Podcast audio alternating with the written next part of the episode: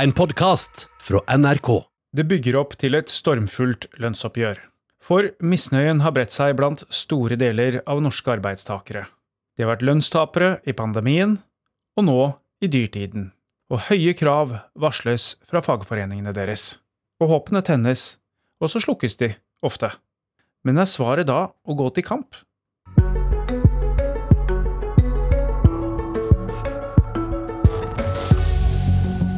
Tannløst. Og egentlig kanskje noen ganger en kilde til kollektiv selvskading. Lærerne opplevde at de fikk en stor ekstraregning i stedet for ekstra lønn.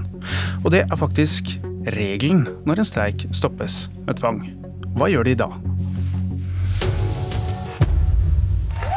Skulle utrolig gjerne ha sett at vi slapp å være her akkurat nå.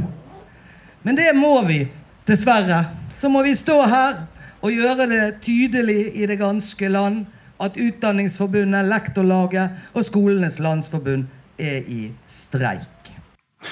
Her hørte vi lærere i kampstemning på Festplassen i Bergen i høst, fjor høst. Kanskje får vi en reprise? For lønnsoppgjøret er på gang. Om et par timer så slippes tallene om hvem som fikk mye og hvem som fikk lite i fjor. og Fagforeningen har allerede vært ute og sagt at kravene kommer til å bli høye i år.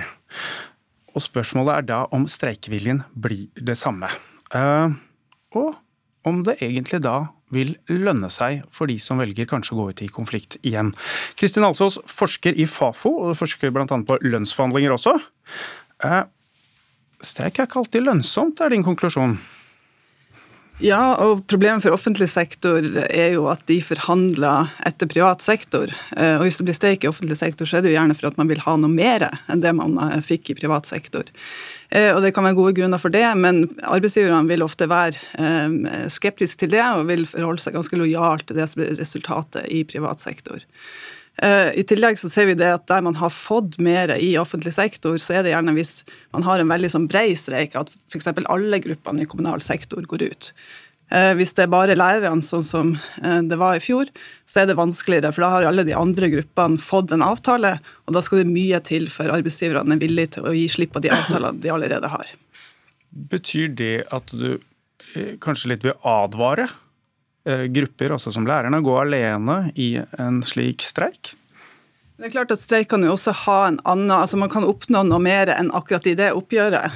Man kan på en måte mobilisere, man kan få, få det opp i media og få, få opinionen på sin side. og Det kan både føre til at man kan få noe mer kanskje neste oppgjør, eller man kan få satt den politiske agendaen og kanskje få noe mer utafor forhandlingsbordet. Og så, som jeg nevnte innledningen her, For de som streiker, så er det et ekstra ris bak speilet. De bærer en kostnad når streiken stoppes med tvang. Da får de utsatt lønnsoppgjøret sitt, og taper da en god del tusenlapper. Er dette et ris bak speilet du mener er effektivt? Altså Begrunnelsen er jo egentlig ikke at det skal være ris bak. Begrunnelsen er jo at uh, de ikke har noe tariffavtale før streiken er ferdig, og først uh, da får de ny avtale, og, og, virkningstidspunktet blir da det. Men samtidig så er det som du sier, i praksis er det ris bak og det her er jo noe som partene er veldig klar over når de, uh, når de sitter ved mekling, og som jeg regner med er en del av den vurderinga som, som de gjør når de vurderer om de skal gå ut i streik eller ikke. Steffen Aldal, leder i Utdanningsforbundet. Streika sist. Får ikke nødvendigvis så mye ut av det. Tenker du om det? Nei, i fjor så ble jo streiken stoppet av regjeringen. Og sånn sett så var det jo ikke mulig å få noe ut av den. Det, det gjorde jo regjeringen sitt til. Vi endte da i Rikslønnsnemnda, der hvor vi hadde behandling i forrige uke. og Da gikk det sånn som det pleier, nemlig at arbeidsgiver får gjennomslag for, for sine krav. og Det er jo veldig uheldig. Men jeg vil jo si at streiken har hatt en effekt. Jeg tror alle, alle fikk med seg i fjor at det var en lærerstreik pga. at vi har hatt dårlige lønnsoppgjør i mange år på rad. Og Vi sitter også her og diskuterer selve systemet nå, og det er, det er, viktig. Sånn sett så har streiken allerede hatt de to effektene, men det er klart, det, det hjelper ingenting. Mye, mye oppmerksomhet, men lite penger, var det ja. det som var målet? Nei, men det er jo som flere har pekt på her, at det var veldig mange andre parter som ikke ønsket at lærerne skulle få lønnstillegg. og Hvis det er nok folk som samler seg i en sånn allianse, så får jo ikke læreren uttelling. Men, men hvis du ikke får uttelling, sånn som nå, Hva annerledes kan du gjøre? Har du tenkt på noen annen strategi enn å løpe inn i streiker som stort sett ikke gir resultat? Ja. Absolutt. Og vi diskuterer jo dette heftig eh, både med arbeidsgiver og på egen kjøl. Eh, hvilke strukturelle grep man kan gjøre. Eh, vi diskuterer jo også her systemet for Rikslønnsnemnda. og det, det er blitt satt ned et utvalg som skal se på frontfagsmodellen. Det har regjeringen sørget for. Så det skjer ganske mye her i liksom etteraksten. Det skjer mye, men ja. Hva dere gjør? Ja, det, ja, vi gjør masse på egen kjøl, med forslag til systemendringer bl.a. Men det, jeg har lyst til å løfte en annen ting her. for at, eh, En del av dette med at eh, det ikke skal lønne seg å, å streike, og at eh, det ligger økonomiske incitamenter for å la være, det er helt riktig. og men det er sånn at i Norge så har vi svært svært ansvarlige parter. Bare se på lønnsoppgjørene eh, under pandemien. Det å liksom late som at vi må ha disse økonomiske incitamentene for å liksom holde partene i sjakk, det er egentlig litt Eh, tullete.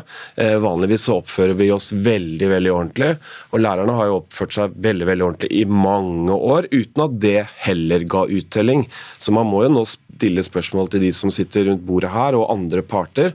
Ja, Hva skal vi gjøre da for at lærerne skal henge med i lønnsutviklingen, og at vi ikke skal på en måte få enda høyere lærermangel og dermed dårligere skole for barna våre?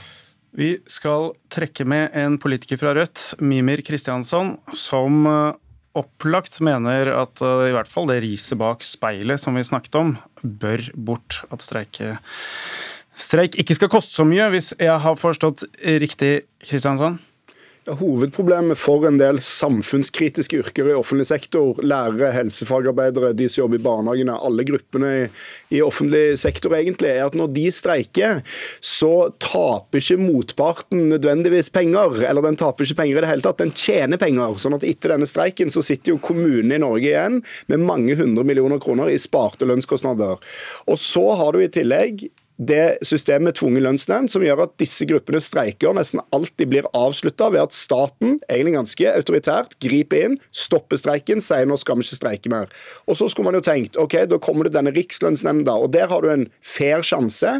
Nei, der har du ikke en fair sjanse. 18 av 19 siste avgjørelser i Rikslønnsnemnda går i arbeidsgiverens favør. Så der taper de som streiker, alltid. Og så på toppen av alt, da, så i motsetning til når en vanlig streik på en måte uten tvungen lønnsnemnd blir ferdig, så ender man nesten alltid så si opp med å ikke få tillegg før fra siste streikedag. Og Det gjør at mange lærere i Norge etter å streika i fjor, har tapt mange mange tusen kroner på å streike, mens kommunene som var den andre parten i konflikten, de har tjent mange millioner på denne streiken. Og Der er det et grunnleggende skjevt maktforhold som vi er nødt til å se på og gjøre et eller annet med.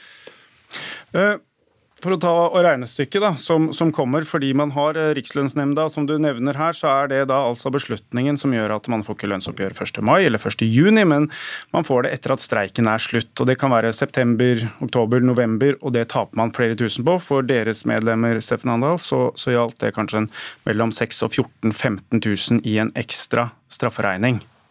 Uh, Steinar Juel, samfunnsøkonom i høyresidas tankesmie Civita.